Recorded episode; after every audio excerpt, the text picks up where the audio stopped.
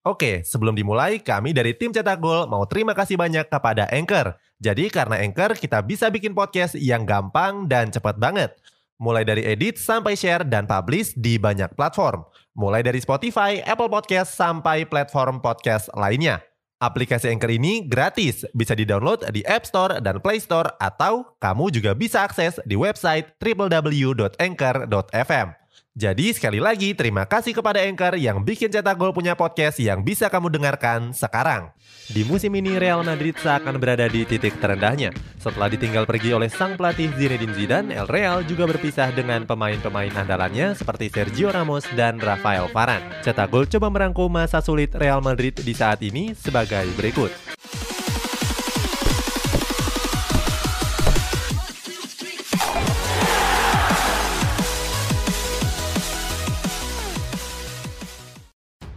Zinedine Zidane keluar.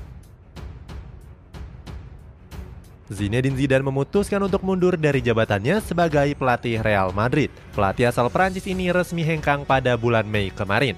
Zidane juga menyampaikan alasan yang membuatnya memutuskan untuk pergi. Pelatih yang berkepala pelontos ini merasa kalau Real Madrid sudah nggak percaya dengannya. Zidane juga merasa kalau El Real sudah nggak mendukungnya lagi. Zidane merasa kurang dapat dukungan sejak muncul berbagai pemberitaan yang menyerangnya. Saat itu Zidane disalahkan atas performa buruk Real Madrid di musim 2020-2021. Mirisnya, El Real justru memilih diam dan gak berusaha untuk membela Zidane. Sikap diam tersebut membuat Zidane kecewa dan memilih angkat kaki dari Santiago Bernabeu. Kini posisi Zidane sudah diisi oleh pelatih kenamaan asal Italia, Carlo Ancelotti. Sementara Zinedine Zidane masih menganggur dan belum memutuskan untuk menukangi klub mana pun. Kepergian Zidane ini meninggalkan kesan buruk pada Real Madrid. Alasannya sejak pertama kali mengasuh skuad El Real, Zidane sudah menyumbangkan sederet trofi juara, termasuk tiga trofi Liga Champions yang dimenangkan dalam tiga musim berturut-turut. Sergio Ramos keluar setelah kehilangan pelatih, Real Madrid harus kehilangan pemain andalannya yakni Sergio Ramos. Back asal Spanyol ini memutuskan untuk pergi dari Santiago Bernabeu. Sebelum pergi, hubungan Ramos dan presiden klub Florentino Perez dikabarkan mulai renggang. Hal tersebut jadi alasan utama kenapa Ramos nggak mau memperpanjang kontraknya. Sebelumnya, pada bulan Januari yang lalu, Sergio Ramos dan pihak klub sudah membahas kesepakatan perpanjangan kontrak – Sayang pembahasan tersebut gagal mencapai kata deal.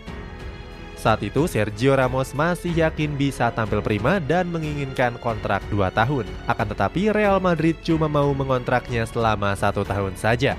Selain itu Real Madrid juga berniat untuk memotong gaji Ramos dan gaji pemain-pemain Real Madrid lainnya. Akan tetapi Sergio Ramos langsung menolaknya dengan tegas. Ramos merasa Real Madrid punya kekuatan finansial dan masih bisa membayar gaji pemain secara full. Buktinya, El Real sempat berniat untuk mendatangkan pemain mahal seperti Kylian Mbappe. Pada akhirnya, Ramos memutuskan untuk pergi dan memperkuat Paris Saint-Germain di musim depan. Hal ini menjadi ironi mengingat Sergio Ramos sudah mengabdi di Real Madrid selama 16 tahun lamanya.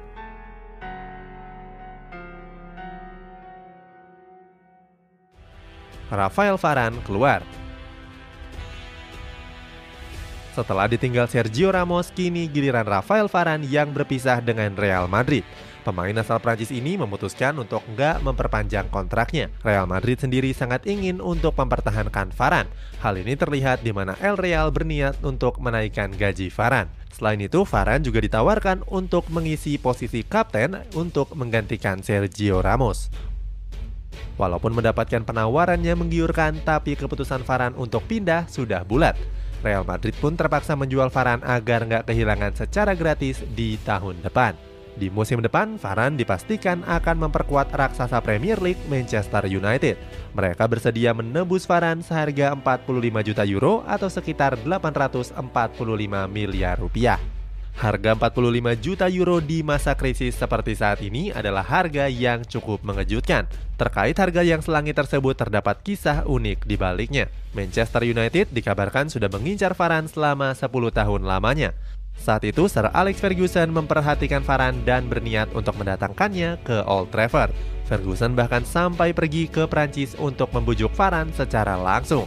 Sayang sampai Manchester United ditangani oleh Jose Mourinho, mereka nggak kunjung mendapatkan Varan. Oke, sebelum dilanjut, ada yang penasaran nggak? Gimana caranya bikin dan nyebarin podcast yang kayak gini? Nah, ini karena tim cetak gol pakai Anchor. Mulai dari rekaman, edit suara, tambah lagu, sampai drag and drop bisa kita lakukan sendiri pakai Anchor. Satu aplikasi sudah bisa buat semua kebutuhan podcast. Bisa di-download dari App Store dan Play Store, atau bisa juga diakses dari website www.anchor.fm. Terus yang terpenting, Anchor ini gratis. Download dan coba sendiri setelah tonton episode ini. Nggak ada pemain baru. Real Madrid seakan lupa caranya membeli pemain baru. Sampai saat ini El Real cuma mendatangkan satu pemain saja. Pemain tersebut adalah bek tengah asal Austria yakni David Alaba. Alaba didatangkan dari Bayern Munchen dengan status bebas transfer. Alaba diboyong ke Santiago Bernabeu untuk menggantikan Sergio Ramos yang pindah ke Paris Saint-Germain. Selain Alaba, cuma ada dua pemain yang kembali dari masa peminjamannya di klub lain. Artinya sampai hari ini Real Madrid belum mengeluarkan sepeser pun uang untuk menjemput pemain baru. Hal ini berbanding terbalik dengan rival-rivalnya. Pesaing terdekatnya yakni Barcelona sudah mendatangkan empat pemain sekaligus.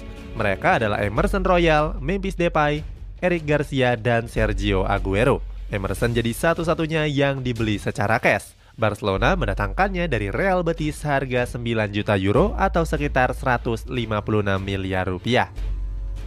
Sementara Depay, Eric Garcia, dan Aguero didatangkan dengan status bebas transfer.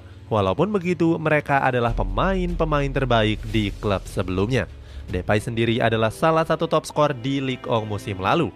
Dia mampu mencetak 20 gol dalam 37 pertandingan.